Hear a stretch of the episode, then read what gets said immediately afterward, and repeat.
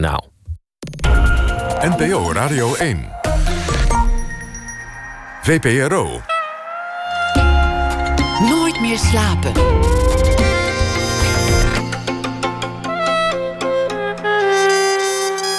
Met Atze de Vriezen. Goedenacht en welkom bij Nooit meer slapen. Het zou zo'n mooie homecoming eh, worden. Beeldhouwer P.P. Gregoire won de Singerprijs van het gelijknamige museum in Laren. Zo'n beetje letterlijk om de hoek van zijn huis en zijn atelier, midden in het centrum van de, de Noord-Hollandse plaats.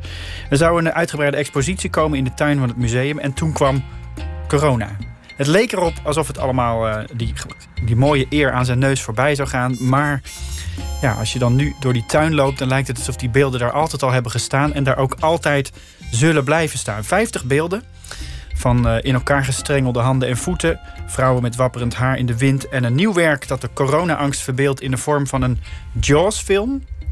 Uh, een angstbeeld dus. En Pepe Gregoire die werd uh, geboren in 1950 in een kunstenaarsfamilie. Grote kunstenaarsfamilie. Zijn vader was beeldhouwer. Zijn grootvader was schilder. En vrijwel al zijn acht broers en zusters belanden linksom of rechtsom ook in de kunst. En hij is hier. Welkom. Leuk dat je er bent, PP. Ja. Op steenworp afstand Ja. van, uh, van huis en van de uh, geliefde Ja. beelden. Wat me het meest opviel toen ik door die tuin liep, tussen al die beelden door, is dat er een soort eenheid was tussen het werk en die tuin met die soort van wilde, wilderige uh, bloemen en, en de natuur eigenlijk. Ja, ja. Wel ook geconstrueerde natuur natuurlijk, maar Ja. daar zat wel duidelijk een eenheid in. Ja, ja eh, de, de tuin van Pieter Oudholf is ook nogal een, een plastische tuin. Het is, staat vol met, eh, met wilde, prachtige planten. Ja. En eh, daar was ik ook zeer bevreesd voor om een tentoonstelling in te organiseren. Want ik dacht, dat moet met elkaar gaan concurreren. Maar het tegendeel is waar. Het is een, eigenlijk een hele goede match. Want mijn beelden zijn nogal organisch eh, van eh, impressie. En eh, dat heeft deze tuin ook. Dus dat gaat heel erg goed samen. Ja, wat ben je daar normaal gesproken mee bezig? Uh, welke context een beeld zou moeten Ja. krijgen? Ja, dat, dat is altijd heel erg belangrijk voor, voor beelden. Om, om inderdaad een, een omgeving te creëren waar, waarin een zeg maar, plastisch object goed gedijt. Maar je, je hebt natuurlijk niet altijd de luxe dat je weet Nee. wie, het beeld, uh, wie de eigenaar van het beeld gaat worden en Nee. waar het precies komt te staan. Maar Nee. idealiter weet je dat natuurlijk wel. Ja, eh, dat is ook vaak eh, zo bij het plaatsen van monumenten bijvoorbeeld. Heb je te maken natuurlijk met een gebouwde omgeving of een plein of een eh, situatie. Ehm, dan is het altijd van, eh, ja, van heel groot belang dat dat in een, in een, een harmonische context gebeurt. En, en dat dat eh, ook je, je beeld versterkt, zeg maar. Heb je een voorbeeld van hoe dat in de praktijk bij jou wel eens gewerkt heeft? Dat je dus echt weet waar het komt te staan en dat je daar dus ook omheen of daar in de richting van die. Ja, en soms ook niet gewerkt heeft. Want eh, ja, soms is het een surplus wat je krijgt. Is- werkt de hele omgeving mee aan het effect van een beeld. En, eh, maar soms ja, moet je het doen met allerlei raampartijen en dingen die concurreren met, met jouw vorm. En ja, dat heb je niet altijd voor het kiezen. Jij zegt mijn beelden zijn organisch. Het zijn groot, vaak grote beelden. Mhm. Vaak een, me- een meter of twee en soms wel een meter of acht groot. Mhm. Eh, gemaakt van brons vaak. Ja. Eh, ruw en tegelijkertijd ook wel, wel glad. Maar een soort. Ik vraag me af, als je dan het, het organisch noemt, waar zit het organische dan in? Ja, Want het zijn geen menselijke beelden. Het zijn echt beelden. Ja, het zijn, het zijn eh, nou ja, het, het, het, het organische is, is eh, vaak ook eh, weer verbonden met het geometrische. Dus er, zijn, er zitten altijd heel veel eh, contrastwerkingen in mijn beelden. Ehm, maar eh, ja, het organische is, zeker aanwezig. Het zijn geen, eh, geen hele strakke eh, constructies, zeg maar. Het, het, het, het, daar zit al een grote mate van levendigheid in, in, in de vormen. Abstracte menselijkheid ook vaak. En eh, abstracte menselijkheid ook, ja. In, eh, in, in, in, een ja, geabstraheerde figuratie vaak. Wat mij ook opviel als ik naar die beelden keek. Kijk, normaal gesproken als je ergens een standbeeld of een, een, een beeldhouwwerk ziet staan, dan kijk je daar toch van een zekere afstand naar. En ik dacht, ik, laat ik dat nou eens niet doen. Ik ga eens even met mijn neus erop staan. Ja. En dan zie je, hé, hey, dit is een vingerafdruk. Of hier heeft een kammetje, ja. een kammetje iets bijgewerkt... waardoor het net even een golfje krijgt of een... Ja. Eh, hoe belangrijk is dat, die details? Eh, de, de, de textuur in een beeld is, is heel belangrijk. Het is een soort, eh, soort van huid, zeg maar. Het maakt de huid eigenlijk levendig van een, van een beeld. En eh, daarin kun je bijvoorbeeld eh, heel mooi werken met het, met het contrast van een gepolijste organische vorm en een, en een hele wilde, zoals met in de beelden van de windkracht. eh, dat dat heel, ehm, ja, heel los en heel eh, flodderig, zeg maar. te- eigenlijk eh, heel eh, ruw, zeg maar, Ja. wordt gemaakt. En ehm, de levendigheid van die huid, dat vertelt ook een verhaal meteen. En ehm, daarin is heel veel te lezen. En ehm, daar zit heel veel beweging en, en dynamiek in. Maar Het, het, is, het is wel een bekend fenomeen dat mensen op 10 centimeter afstand van een schilderij gaan zitten kijken. En daar, niet iedereen kan dat. Veel mensen kijken naar het hele schilderij en zeggen dan mooi of niet en lopen door. Er, er is een categorie mensen die dat ook bij een schilderij wel echt van dichtbij bekijkt. Ja. Maar je hoort dat zelden over mensen die echt zo'n beeldhouwwerk van zo dichtbij gaan bekijken. Ja, nou, toch zijn er veel mensen die het niet kunnen laten om een beeld aan te raken en om- dat te aaien en om de, de oppervlakte, zeg maar, te betasten van een beeld. Eh, is dat heiligschennis of, of hoort, mag dat wel? Nou, in principe is dat, is dat oké. Kijk, als er een beeld in de openbaarheid eh, staat, dan kun je dat niet voorkomen dat mensen natuurlijk daar aan gaan zitten. Dat is eh, ook logisch. Eh, en met een tentoonstelling is dat soms anders. Maar dan, eh, dan zitten er meteen allemaal eh, vingers zeg maar, op, op het brons. Want dat, dat geeft een bepaald soort zuur... waardoor het, de vingerafdruk zichtbaar wordt. Maar... ehm, eh, nee, over het algemeen is het gewoon mooi dat je beelden kan, kan aanraken. Feitelijk is dat ook een logische zaak dat je wat je ziet, omdat het een tastbare kunst is. Hè? In tegenstelling tot een schilder is, een schilder maakt een illusie. Een beeldhouwer maakt eigenlijk een, we- een nieuwe werkelijkheid een niet bestaande werkelijkheid. Eh, maar het is, eh, eh, het is er wel fysiek aanwezig. Dus dat nodigt uit tot aantasten of aan, ja, aanvatten. Dus dat je dat eh, wil, wil voelen om het te ervaren. Ja, dat, dat fysieke aspect van je werk vond ik heel erg eh, zichtbaar in die tentoonstelling. Juist ook omdat je er een soort van atelier hebt gemaakt. Het is niet werkelijk je atelier, maar een soort van pop-up atelier als het ware. Ja, Je bent daar een, paar momenten per week ja, ja. om, om, om te werken eigenlijk. Maar meer nog misschien om eh, eh, te praten over je werk. ja. Waar, waarom, waarom is het eigenlijk? Eh, nou, ze hebben een impressie willen maken van, eh, van, eh, van mijn atelier. Die, ja, wa- waar, hoe dat er zo ongeveer uitziet. in wat voor eh, eh, ja, sfeer dat, dat werk tot stand komt. Ja, En een- want een- een meestal de oorsprong van een werk, dat interesseert de mensen heel erg. Van, Ja. ja. waar komt het vandaan en waar begint het proces, zeg maar. Ja, het, het, is heel, het is in die zin heel, een heel fysiek vak natuurlijk. Zeker op het moment dat je met grote beelden gaat werken. Er staat een trapje, want je moet, je moet Ja. echt de hoogte in... om bepaalde beelden ten volle kunnen bewerken.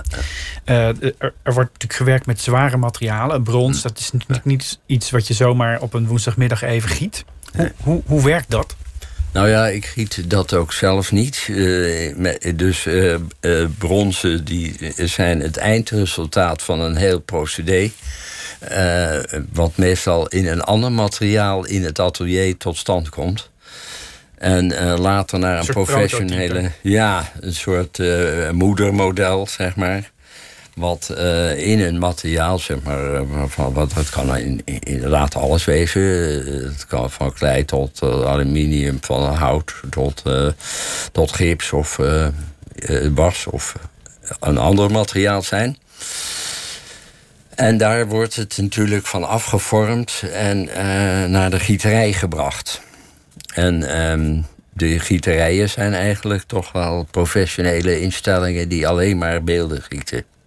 Dus dat, eh, daar, eh, daar wordt het brons eigenlijk gemaakt. Is dat makkelijk te vinden? Zijn er veel bedrijven die dat doen? Of is dat een dat enorme zijn, zoektocht? Er zijn maar heel weinig bronsgieterijen die echt alleen maar kunst gieten. En ehm, dat zijn ook vaak familiebedrijven die eigenlijk de kunst van het gieten aan elkaar doorgeven. En ehm, daardoor wordt het eigenlijk het vak ook eens in stand gehouden. Dat zijn toch vaak eh, zeg, vele generaties die daar achter elkaar aan werken. Echt een traditie die levend gehouden wordt. Ja, dat is zeker een traditie, ja. Ja. Eigenlijk al vanuit eh, zeg maar de renaissance tot, eh, tot nu. En zo lang terug ook echt? Dat, Ja, dat echt is, generatie eh, op eigenlijk generatie. De technieken zijn ook in wezen niet zo heel anders dan toen. Dus eh, ja, dat is eigenlijk toch wel altijd eh, eh, hetzelfde principe gebleven. Dus sommige materialen zijn dan wat vernieuwd, eh, zoals eh, silic siliconen, rubbers en de dingen om mallen te maken. Eh, Er zijn natuurlijk wel vernieuwde materialen, maar eh, in wezen is het eh, procedé hetzelfde. Je loopt daar rond, mensen vragen dingen aan je. Er zijn veel mensen die je aanspreken, viel me op. Echt veel. Ja, ja. Dat is druk. Ja, het is, eh, de hele dag eh, is, eh, gaat het door. Ja. Er zijn heel veel kunstenaars die zeggen: van, ja, laat het kunstwerk het kunstwerk zijn. Ik wil er liever niet over praten of niet te veel over praten. Mm. Jij doet dat eigenlijk vrij nadrukkelijk wel. ja, Is dat een, een bewuste. Is dat een moment geweest dat je dacht van nou, dat doe ik, daar sta ik voor. Ik wil wel uitleggen waar het voor staat. nou ja, ik ben zelf ook nieuwsgierig. Dus ik kan me heel goed voorstellen dat andere mensen dat ook zijn. En eh, ook wat meer willen weten. eh, wat, wat er achter het eh, behang zit. En ja, dat, dat kan ik me heel goed indenken. Dat dat een, een, een interessant eh, gegeven is voor mensen die daar eigenlijk alleen het eindresultaat zien staan. En denken, waar, waar is dat vandaan gekomen allemaal? Hoe komt dat tot stand? Maar in, in musea worden mensen heel vaak toch wel aan hun lot overgelaten, vind ik. Als het gaat om de symboliek en de, de, de thematiek van, van werken. Ja, ja en eh, daar kan je natuurlijk als kunstenaar heel veel aan toevoegen, omdat je gewoon van binnenuit eh, ook de, de inspiratiebron kan noemen. Hè, het, eh, het, het gaat natuurlijk ook om te laten zien eh, wat je motieven en je, je, oorspronkelijke gedachten zijn geweest bij het creëren van een, een werk. En eh, dat is voor veel mensen natuurlijk toch eigenlijk het meest fascinerend. Want eh, er zit ook een, een intellectuele kant aan de zaak natuurlijk. De oorsprong van een beeld is niet alleen maar dat je het, het fijn vindt om in, in materialen te werken. Ik eh, beperk dat liefst zelfs ook zo, zo, eh, zo veel mogelijk. Eh, en, en denk er liever heel goed over na voordat ik aan iets begin. Ja. En ja, dat. maar dat denkwerk daarover. ehm, en eigenlijk het grootste deel van het proces is. dus dat- eigenlijk zonde om dat niet te delen. Ja, dat is heel jammer om daar niet iets over, te, over door te geven. Wat, wat de gedachten van, van, van de kunstwerken zijn eh, die, die, waar het om gaat.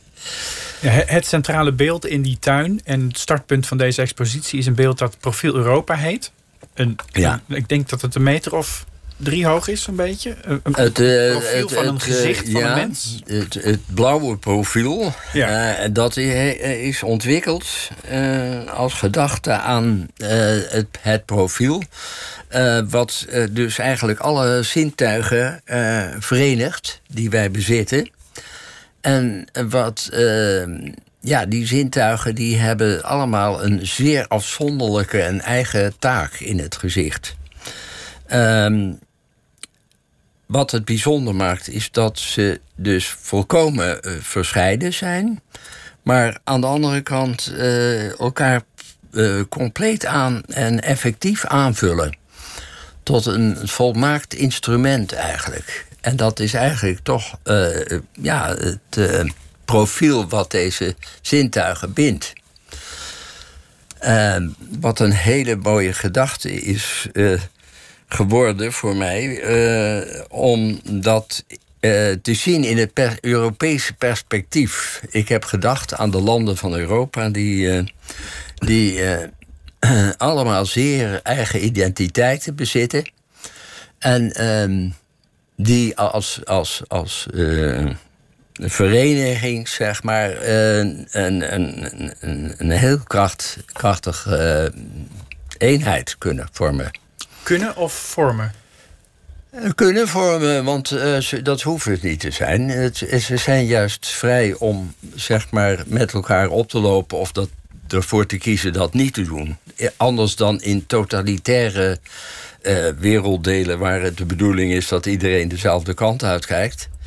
Uh, zijn wij in Europa zo gelukkig dat wij een, een parlement hebben uh, waar iedereen zijn eigen kant uit mag kijken en toch probeert een, een, consensus met elkaar te krijgen. En dat is een veel krachtiger zeg maar, signaal naar buiten toe, vind ik zelf. En, en daarom wil ik daar ook een, een, lans voor breken voor dat idee dat, uh, dat het in, die eenheid in in verscheidenheid juist een heel mooi uh, gegeven is.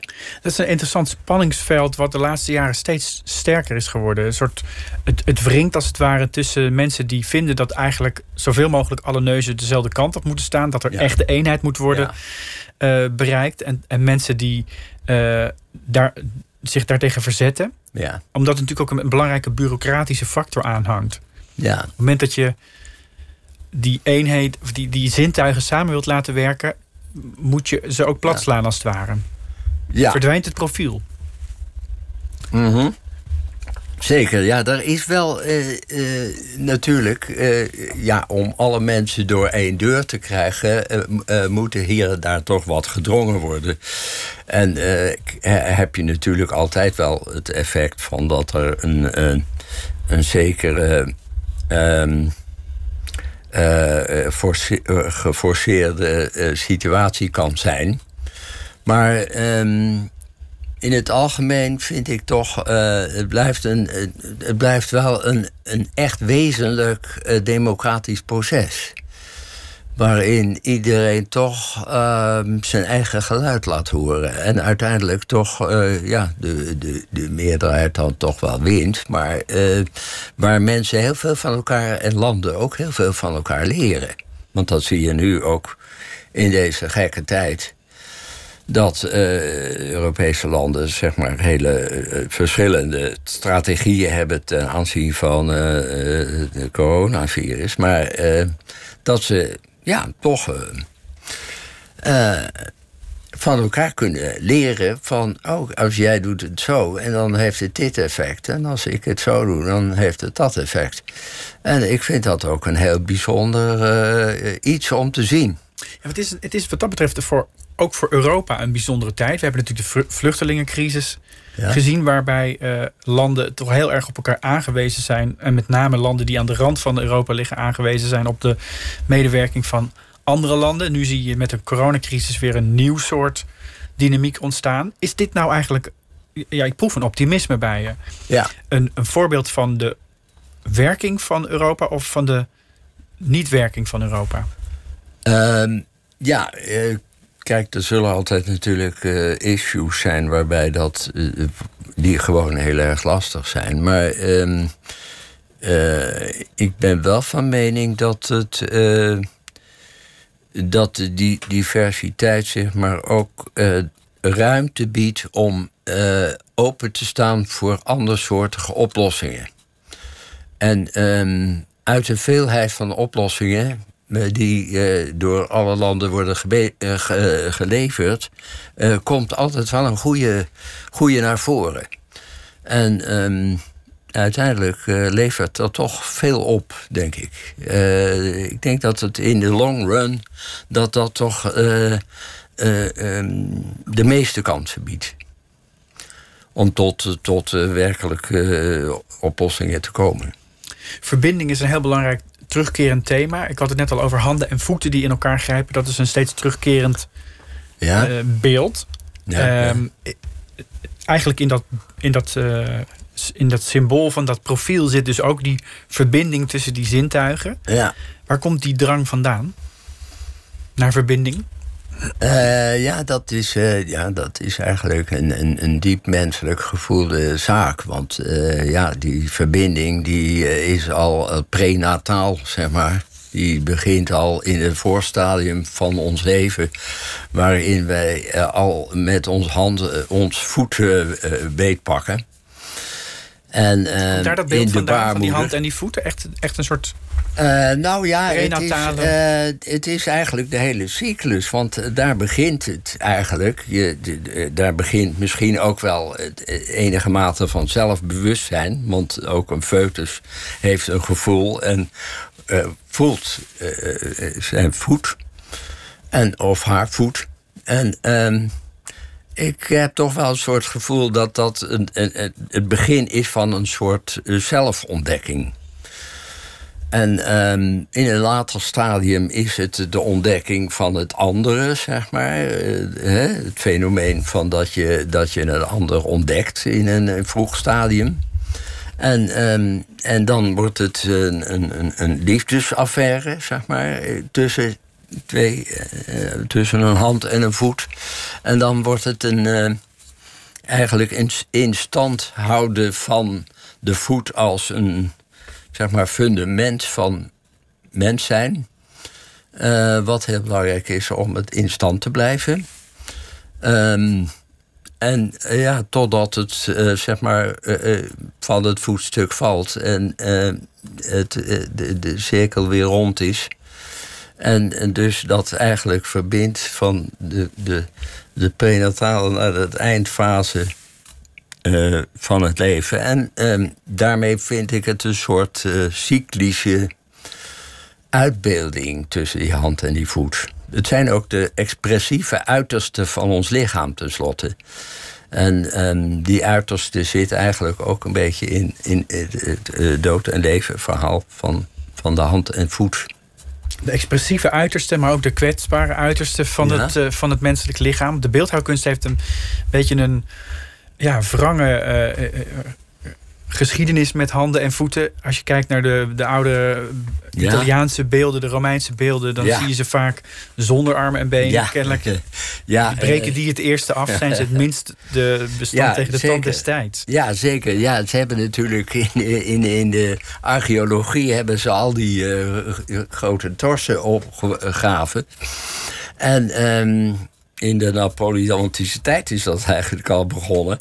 En eh, dat is een eh, kunst op zichzelf geworden, want eh, ze, die, die, die torsen die waren zo prachtig. Maar ehm, eh, wat nu eh, het gekke is, dat die armen en benen en die handen en die voeten nooit opgegraven zijn. en eh, dat? tenminste, Die die zijn zijn nooit eh, zichtbaar geworden. Ze, je ziet ze ook niet tentoongesteld in de musea. Ze zijn gewoon verdwenen van de aardbodem. Dus ik heb ook een beetje gedacht van... ik ga hier een in- inhaalslag van maken. Ik ga hier gewoon armen en benen Zonder maken hoofd. en handen en voeten. Ja. om een soort historische gerechtigheid eh, te, te plegen. Ja, maar het is ook het is in die zin een zeker gesprek met de traditie.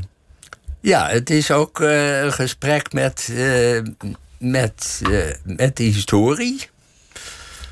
Dat, wat ik heel interessant vind. Want als je vooruit kijkt, zoals in het Europa-profiel, dan kijk je ook vanzelf heel ver naar achteren. En de- realiseer je dat dat toch een, ook een, een, een, een. Niet een tegenstelling, maar een, een, een situatie van uitersten is. Waarin eh, heel veel ontstaat. Maar het wordt dus een soort teruggave aan de, aan de traditie, letterlijk. Er is iets verdwenen en dat kun je als nieuwe beeldhouder, beeldhouwer toevoegen aan die traditie. Ja, En daarmee wordt ook weer een soort van. eh, ja, een, een soort, weer, weer een soort ja verbinding door de tijd heen Ja. een, een, een, iets rechtgezet, zeg maar. Dus dat is ook wel een, een, een, een- Het is als gedachte gewoon heel aardig. hè, Dat je door de tijd heen iets, iets recht zou kunnen zetten. Maar eh, de, de gedachte alleen al is heel mooi. En, en eh, dat kan je ook nog handen en voeten geven. Letterlijk. Ja, Ja, letterlijk precies. in dit geval. We gaan even naar muziek. Django Reinhardt en eh Stefan Grappelli met eh, Minor Swing.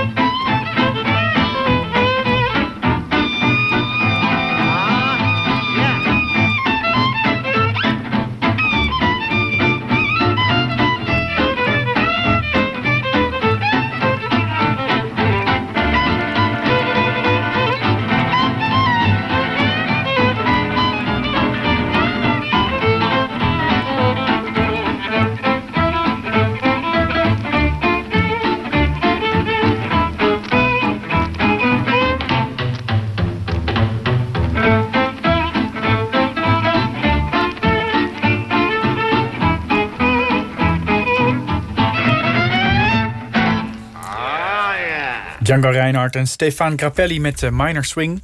Opbeurende, luchtige muziek en tegelijkertijd diep melancholisch. Ja. En is dit iets waar je op werkt, deze muziek? Nou, ik, kijk, mijn, mijn- werk is eigenlijk eh, eh, is ook een hele mix van, van die dingen. Ik, daarom heb ik daar zo'n goed gevoel bij, bij deze muziek. Omdat het inderdaad dat, eh, iets van de melancholie heeft. En tegelijkertijd dat, dat hele eh, luchtige, wat, wat ik ook eigenlijk in mijn werk heel erg nastreef. Dat eh, zeg maar het drama ook gemengd wordt met humor en, en, en, en, en lichtheid. Ja. We hebben, het, we hebben het hiervoor gehad over eh, je tentoonstelling in Singer-Laren. eh, over de robuuste werken, waar je echt eh, een noeste arbeid in zit om die te maken. Maar ook over de zoektocht naar verbinding. En ook over het gesprek met de traditie die je aangaat. En ik voel me ook af, want je, je komt zelf uit een, uit een familie van kunstenaars... die ook generatie op generatie eh, wordt voortgezet, die traditie.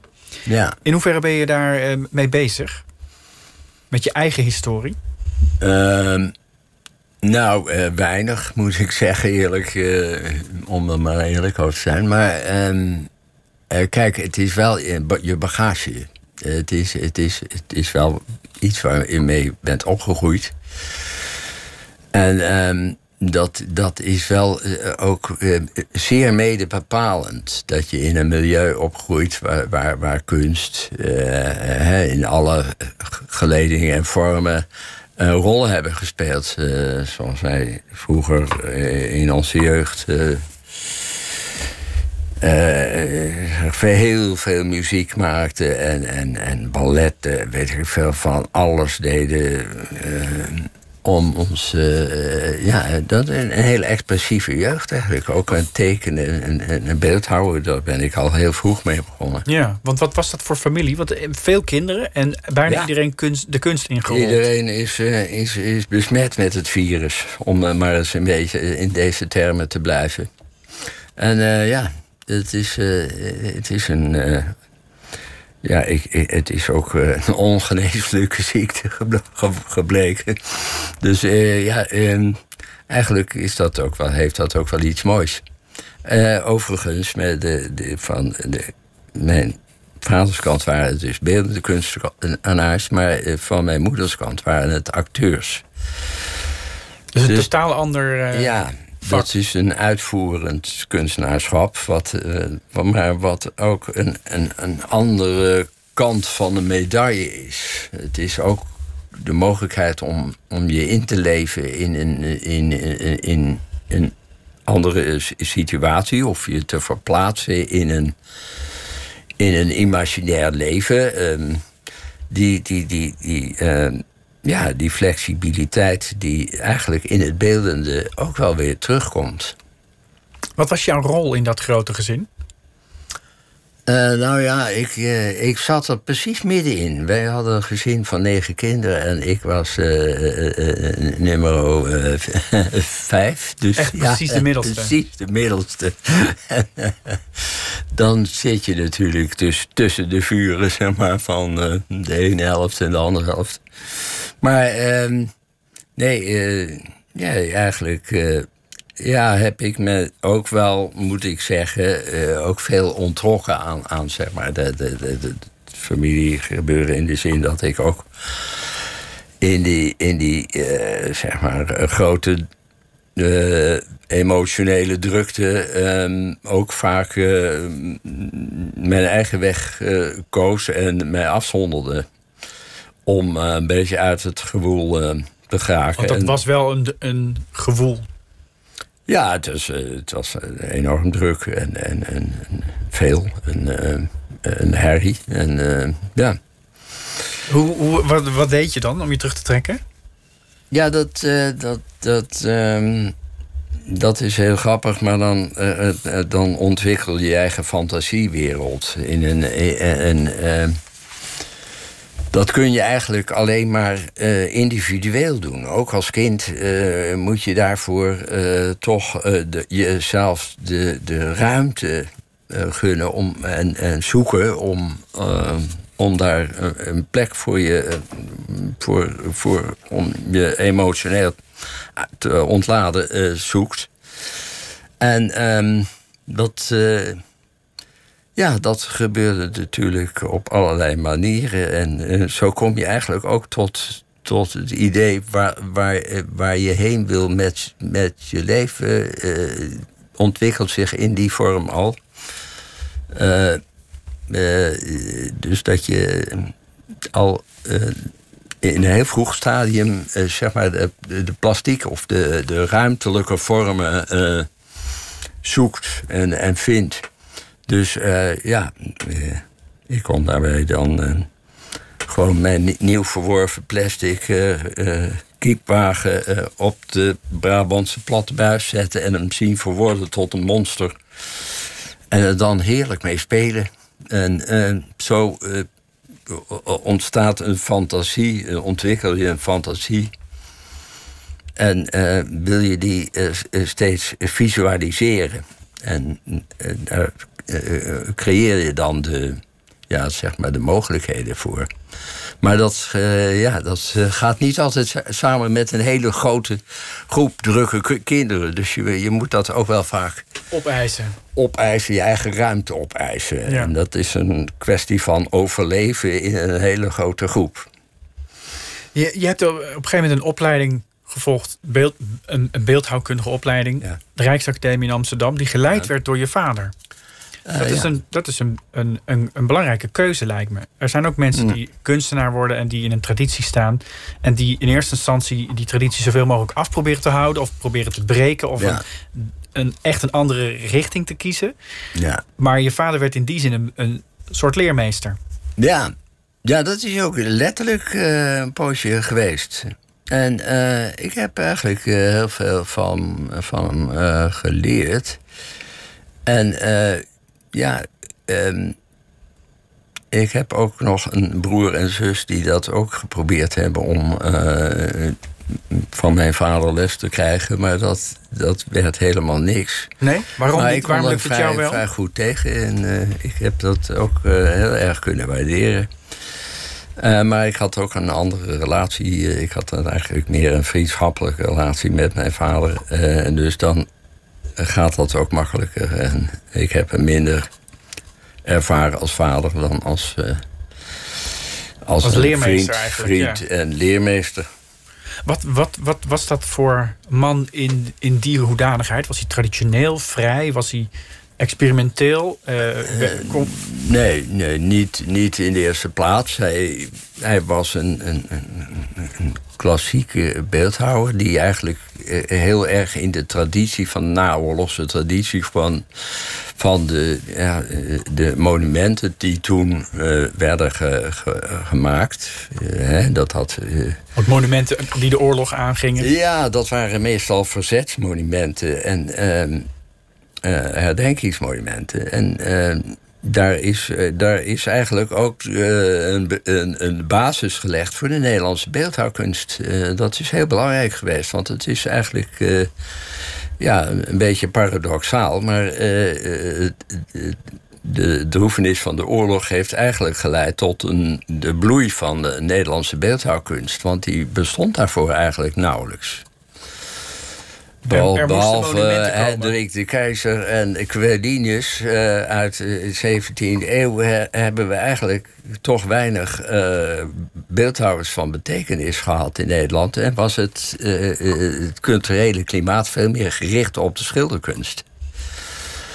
En eh, daar was alle aandacht, eh, ging daar naar uit. En eh, ja, dat is toch veranderd sinds, sinds eigenlijk de naoorlogse periode... waarin deze monumenten allemaal eh, tot stand kwamen. En er een, een heel actief eh, beeldhouwersklimaat ontstond.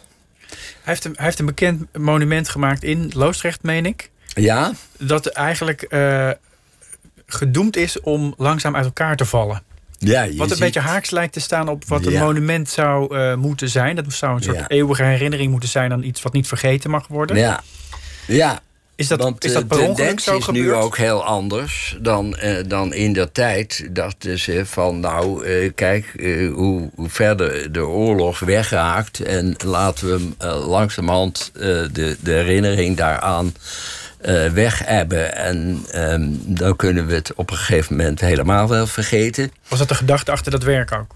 Nou, nee, maar eh, eigenlijk is er in die tijd... Ja, de, ik- misschien ook wel, want eh, mijn vader heeft een steensoort gekozen... die, eh, die eh, geen, geen eh, eeuwen kon doorstaan. Dus daar is het al, dat is een soort tufsteen. Dat is een hele poreuze eh, steen. En eh, ja, die, eh, die, die, die is heel gevoelig voor, voor weersinvloeden en voor eh, klimaatinvloeden, voor koolmonoxide die erop inwerkt, verzuring, weet ik het. Wat Er blijft geen 2000 jaar staan. Dus we leven je wat ziet dat in langzamerhand dat beeld een beetje, zeg maar, Ja. afkalven en, en, en, en aangetast raken. En we leven wat dat betreft in een interessante tijd ook voor de beeldhouwkunst. Want we hebben het nu, we hebben het nu over monumenten, maar een ander belangrijk element van, eh, van eeuwigheidswaarde die door eh, beeldhouwkunst wordt uitgedragen, zijn natuurlijk standbeelden. Ja, Mensen die ooit een keer iets belangrijks hebben gedaan in onze geschiedenis, die een standbeeld krijgen, Ja. die op een plein worden neergezet. ja. Niet alleen in Nederland, maar over de hele wereld. En die nu eh, letterlijk aangevallen worden. Ja, die van hun voetstuk worden getrokken omdat het eh, Jan Pieter zo'n Koen eh, Ja, precies. Hoe kijk je daarnaar als beeldhouwer? Nou, dat vind ik eigenlijk heel erg sneu. Want de, mensen die zeg maar, hele oude helden van hun voetstuk willen trekken, die hebben geen historisch besef van hoe dat ooit geweest is. Wat de verhoudingen vroeger waren tussen mensen. En ook niet, eh, zeg maar, eh, ook eh, volkenkundig, zeg maar. Dat toen nog helemaal geen kennis was over, over andere volken of hoe je daarmee omging. Dus eh, het is een grote mate van on- onwetendheid in die tijd. Eh, die daartoe to- tot eh, ontwikkelingen heeft geleid die, die nu nou, niet meer zou willen. Maar eh, hè, het, is, het is een beetje onnozel om nu te zeggen van nou die beelden die mogen er niet meer zijn omdat ja wij willen niet meer eraan denken dat wij toen dat niet helemaal goed begrepen. Dus ja, ehm, Het wordt natuurlijk gezien als een symbool daarvan. En het moment dat je nu een andere blik hebt op de Ja. geschiedenis, dan moet dat oude beeld ook letterlijk verdwijnen. verdwijnen. Ja, er is ook een heel lang een discussie geweest over, over eh, of je pleinen met, met heldennamen van vroeger niet moet omdopen tot de helden van nu, zeg maar. In, eh, in Amsterdam heb ik een, een, een monument eh, gemaakt tegen apartheid en racisme. En dat stond op het Krugerplein, eh, of all places. En eh, ja, dat moest eh, worden omgedoopt. Dat, en dat moest een, een, een, een, een. Dus een, een, een van nu. Dus, eh, maar goed, die discussie was er toen al. Toen ik dat beeld neerzette. Dus inmiddels ook alweer, eh, ik weet niet, twintig jaar geleden of zo. Of nog langer. Ja, nog langer inderdaad. Veel langer. Ehm, maar ehm, ja, ehm, ja, en eh, toen was daar ook. Maar, eh, maar- wat je zegt eigenlijk is, die, die beeldhouwkunst, maar net zo goed Ja. straatnamen, die Ja. geven een, die verankeren iets wat je eigenlijk ook niet moet. Zelfs, met, zelfs als het perspectief van de huidige tijd anders is geworden. hm, Je hoeft niet eh, eh, Julius Caesar een, eh, een geweldige man te vinden om dat beeld te kunnen waarderen of, of het belang daarvan. Nee, en dat zie je nou ook in het, ver- in het, in het nabije en verre oosten... dat er de, de Taliban enorme monumenten opblaast... omdat dat niet meer strookt met, met de ideeën van de Taliban van nu. Ja, ehm, dan ben je eigenlijk toch gewoon... eh, je kop in het zand aan het steken voor, voor de historie van hè, de, de, de, de culturele historie van een, eh, van een wereld. Dan wil je het eh, wereldbeeld veranderen in het wereldbeeld van nu. En dat is natuurlijk een, ja, een tamelijk onnozele bezigheid. want de- de wereld is van alle tijden en niet van nu. Dit gaat in feite over grote thema's die het persoonlijke overstijgen. Een Ja. gedachte over Europa, een perspectief op de historie. Ja, een, het verankeren van belangrijke gebeurtenissen in het straatbeeld. Ja. In, in hoeverre heeft, hebben gebeurtenissen in jouw persoonlijk leven impact op jouw werk? Eh, ja. Eh, ja, heeft altijd een enorme impact. Want ik merk ook gewoon naarmate de dingen gebeuren... dat, er, eh, dat je andere dingen gaat doen. En eh, gelukkig is dat ook zo, want je, bent eigenlijk een soort eh, spons. Je, je, je vangt dingen op en doet daar iets mee. Dus emoties die ontstaan door de omstandigheden... En daar ga je daardoor maak je ook andere dingen. Dus eh, dan eh, eh, groeit je perspectief op een ander leven ineens versneld. Wat is bijvoorbeeld zo- zo'n wending geweest in je le- leven die echt tot een nieuwe vorm van kunst of een nieuwe interpretatie van je eigen werk heeft geleid? Ehm, nou, de, ja, het overlijden van mijn eerste vrouw bijvoorbeeld heeft eh, toch nog. eh, kan ik achteraf, eh, ik, niet dat ik er zo bewust eh, toen mee bezig was, maar toch heel zichtbaar geleid tot andere uitingen, andere kunstrichting dan ik tot dan toe had gedaan. Wanneer, wanneer, wanneer is dat geweest? Dat is in 2001 geweest. Ja. Eh, Eigenlijk al heel lang geleden.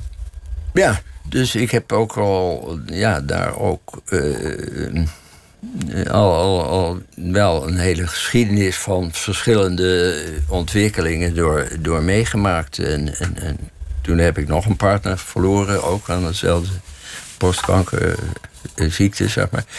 En eh, ja, die, die ingrijpende gebeurtenissen eh, heeft, eh, hebben zeker heel veel impact op wat je doet, op, op, op eh, je denkwijze. Op, eh, en misschien is daardoor wel alles veel relatiever geworden dan het ooit is geweest. Het werk of het leven. Eh, mijn eigen levensgevoel, ja. En dus ook het werk daarmee is, is ook inderdaad eigenlijk veel breder geworden. Ehm, is ook veel vrijer geworden, omdat je dan eh, een, een, ja, een algemener levensgevoel ontwikkelt. Ehm, ja, dat is heel moeilijk uit te leggen aan mensen die iets dergelijks niet hebben meegemaakt. Maar eh, eh, dat, is, eh, dat is natuurlijk ook een heel persoonlijk verhaal. En dat is altijd, eh, altijd lastig om dat eh, te vertalen. Maar in kunst kun je dit wel vertalen. Maar hoe vaak. zie je het terug in de kunst dan? Wat, wat, wat, wat deed zich voor in de kunst na die persoonlijke klap? Nou ja, in de eerste instantie kon ik helemaal niet meer eh, werken. Dus dat, dat is dan eigenlijk ook dodelijk voor de creativiteit. Hoe lang heeft dat geduurd? Eh, ja, dat heeft toch wel maanden geduurd, eh, zeg maar. Dat, dat, dat is toch wel echt lang. Nou ja, maar niet dat ik toen stil ben gaan zitten. Ik heb, ik heb toen bijvoorbeeld eh, mijn oude atelier volledig afgebroken... en een heel nieuw atelier naar eigen ontwerp gebouwd. En eh, daardoor kon ik, eh, zeg maar, met de wer- werklieden die dat mijn nieuwe atelier bouwden. eh, dat waren allemaal hele komische bouwvakkers. Dus daar heb ik heel veel mee gelachen. Maar eh, dat was echt een noodzakelijke gebeurtenis om door die periode heen te komen. Om, om nog, eh, ja, om eigenlijk die periode dat ik niet kon werken, toch nuttig te be- besteden. Maar op dat maar- moment functioneert de creatieve stroom eigenlijk niet meer. En dan, dan moeten de randvoorwaarden, bijvoorbeeld een atelier, hoe het eruit ziet, de, de plek, de, Ja. de, de, de, de, materialen die er zijn, veranderd worden om te kijken of dat iets oplevert. Eh, ja, dan moet je eigenlijk toch eh, eh, zeg maar uitzoomen. Dan ga je eigenlijk toch ja, kijken op je leven. Wat, wie ben ik niet? Waar sta ik? En waar moet het in godsnaam heen? Het is gedeeltelijk uit wanhoop, maar ook gedeeltelijk uit eh, ja, overlevingsdrift. Dat je dan toch weer zoekt naar naar eh, nieuwe middelen en nieuwe mogelijkheden. En daardoor ontstaan er ook nieuwe vormen. En dat, dat, dat heeft mij enorm geholpen om, om ja, ook andere dingen te gaan doen. Dus eh, gewoon allerlei zijsporen en, en nieuwe uitingsvormen. Dus eh, bijvoorbeeld één ding daarvan is geweest de concurrentie van kleur en vorm. Dus dat ik beelden ging maken met... eh, met veel kle- kleur erop. Dat is begonnen met, met, met, ehm, met, eh, met, fotosculptuur. Dus dat ik fotocollages op sculpturen plakte. En dat dat ja, een integraal kunstwerk werd van kleur en vorm. En, ehm, later, eh, nu, nu in deze coronacrisis, heb ik dan weer een, een beeld gemaakt wat weer eh, helemaal eh, beschilderd is. Dus ook weer kleur en vorm. Maar daar is de kleur weer wat terugge- teruggedrongen. Dat was nogal een heftig eh, een heftige keuze. Dus nu heb ik die kleur weer meer teruggebracht naar eh, eh, een situatie waarin de vorm weer meer zeg maar, tot zijn recht komt. Dus dat is een interessante ontdekkingsreis. En ehm, dat heeft dan weer met deze crisis te maken. die coronacrisis. Want daar kon ik heel rustig, maandenlang dat onderzoeken. Hoe, uh, hoe ik dan met, met verf en, en, en vorm aan de slag ging. Ja, er staat dus één zo'n werk staat in dat atelier in het uh, ja, Singer Museum. Dat is nog wer werk uh, in ja. work in progress, zoals dat ja. zo mooi heet. Ja. Of is het af? Nou, het is wel ongeveer voltooid. Dat weet je nooit helemaal van een werk.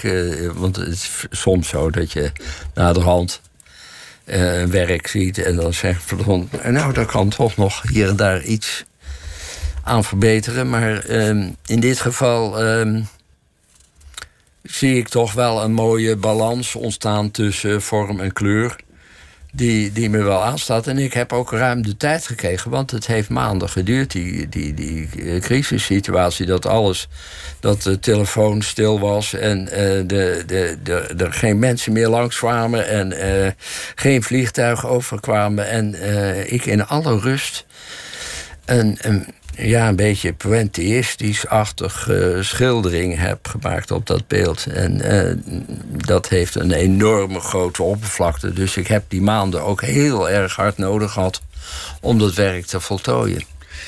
Over cirkels uh, die rond worden gesproken. Je hebt ergens in de jaren tachtig een keer een tijdje in Italië gewoond. En bent van plan om nu te mhm. gaan emigreren. Als dit afgerond is, als dit klaar is, deze tentoonstelling? Zelfs was het de jaren zeventig dat ik in Italië zat. En uh, ja, dat is dus eigenlijk uh, toen, toen was ik nog een jong, jong broekje. Ja, ik heb als, als student heb ik een beurs gekregen van het ministerie van Buitenlandse Zaken in Rome. En um, ja, daar heb ik dan een, een, gedeelde beurs was dat. Het was met mijn broer samen. En uh, hij, hij als schilder en ik als beeldhouwer beginnend. Toch wel naar de bakermat van de beeldhouwkunst. Ja, ja. Dat zo, uh, zo voelden wij dat ook een beetje. En uh, wij hebben eigenlijk daar ontzettend veel ontdekt en onze vrijheid ook gevonden. In, uh, in het zoeken naar onze eigen identiteit was het toen. Hè. wij waren toen, ik geloof, 24 en 25 of 23 en 24, weet en, ik en nu? Maar dat was, waar we waren nog heel jong. Wat, wat hoop je daar te vinden? Ga je daarheen om de krant te lezen, die roze krant... en uh, om 12 uur de, de wijn open te trekken... en voor de rest naar het uitzicht te turen? Of, ja. of moet er nog gewerkt worden? Nou, dat, dat, dat slaan we zeker niet over, dat, eh, dat deel. Maar uh, zeker ook om uh, het klimaat. Maar dan het kunstklimaat bedoel ik dan. Mm -hmm. um, wat natuurlijk, ja, eigenlijk zowel eh, de, de oudheid als het moderne kunstklimaat in Italië uh, uh, ja, toch heel inspirerend is. En de Italianen ook heel erg sterk leven met hun cultuur. Dat, dat, dat merk je in alles, in hun, hun levensinstelling dat zij heel sterk daarmee moeten, uh, leven. Maar die hun cultuur ook wel een beetje moeten exploiteren en misschien wel uitwonen. Ja, ja het is, ik, ik heb wel nu, ik eigenlijk dus uh, heb gekozen om, om, uh, om weer naar Italië te gaan en daar ook echt te gaan wonen heb ik ook wel zoiets van: uh, ik ga uh, heel veel water naar de zee brengen. en dat vind ik wel een hele mooie bezigheid eigenlijk. dat is niet, dat voelt niet als een uh, ijdele handeling. nee, nee, helemaal niet. ik, ik voel me verbonden met dat land. En, en ja, ik heb ook heel makkelijk uh, goed contact met Italianen. Dus ik vind dat ook heel, heel fijn om te, te blijven. En uh, om daar een nieuwe fase van mijn leven van te maken. Je noemde het zelfs een soort renaissance, een soort wedergeboorte. Ja, ik wil opnieuw geboren worden. Ja, op een gegeven moment uh, uh, kom je in een fase in je leven dat je keuzes moet maken en zeggen van ja ik heb nog een stuk te doen en wat zal ik daar eens mee gaan doen? En als ik nou helemaal vrij ben, uh, waar zou ik dan voor kiezen? En ik kwam er met mijn vrouw achter, uh, mijn vrouw Marleen, achter dat, um, dat wij eigenlijk allebei zoiets hadden van direct van ja, dat zou dan Italië zijn. Leven kun je dat, in Italië. Kun je dat afdwingen eigenlijk, een wedergeboorte? Of is dat iets wat je overkomt en waar je achteraf van constateert dat het een wedergeboorte was? Uh, ja, beide eigenlijk een beetje. Want uh, uh, je komt er op een gegeven moment achter dat, dat dingen toch. ja, je, je, je je bent bekend met het leven wat je tot nog toe geleid hebt. En je weet ook een beetje eh, hoe het gaat en hoe het zal gaan. En op zo'n moment denk je van... ja, maar wacht even, ik ga het toch anders doen. En, want ik wil weten hoe ik in de wereld sta. En uh, vaak kun je beter weten in, hoe je in de wereld staat door de boel volledig op zijn kop te zetten. Uh, en soms zet, het, soms zet het leven zichzelf op de kop en soms doe je dat bewust. Bewust, in dit geval heel bewust. En uh, ja, ik denk echt dat je op een gegeven moment in een fase bent dat je eh, echt zo'n besluit neemt. En, en, en eigenlijk daarmee ook ehm, ja, onhandig weer in de wereld komt te staan, omdat je alles het wil weer moet uitvinden. Je moet weer een bronschieter vinden die het, uh, die het ambacht Ja, die, die, die, die, die, die, moet er gevonden worden. Maar uh, uh, het is meer dan dat. Je moet eigenlijk alles opnieuw doen. ik, ik ga weer brabbelen als een kleuter in het Italiaans. Dus dat is al, je verliest het gemak van je communicatie. Maar je verliest het gemak van alles feitelijk. Um, maar dat is een hele mooie fase, omdat je dan uh, ja, toch het leven opnieuw ontdekt en, en moet uitvinden en, en daar weer een nieuwe vorm voor vindt. En uh, ik, ik heb ook het gevoel dat dat op mijn werk ook zo'n uitwerking zal krijgen. Dat, dat, um, dat je daardoor gewoon in een, een totaal nieuwe flow, een andere ja. uh, dynamiek terechtkomt.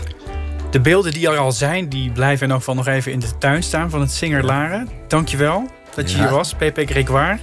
Uh, maandag dan heeft Pieter van der Wielen psycholoog Iva Bikanic te gast. Zij pioneert in haar inzet voor slachtoffers van seksueel geweld. Een fijne nacht.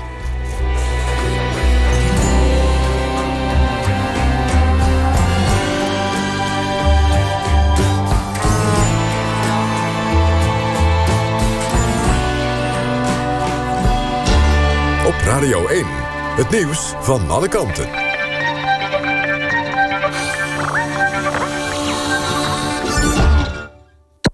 NPO Radio 1.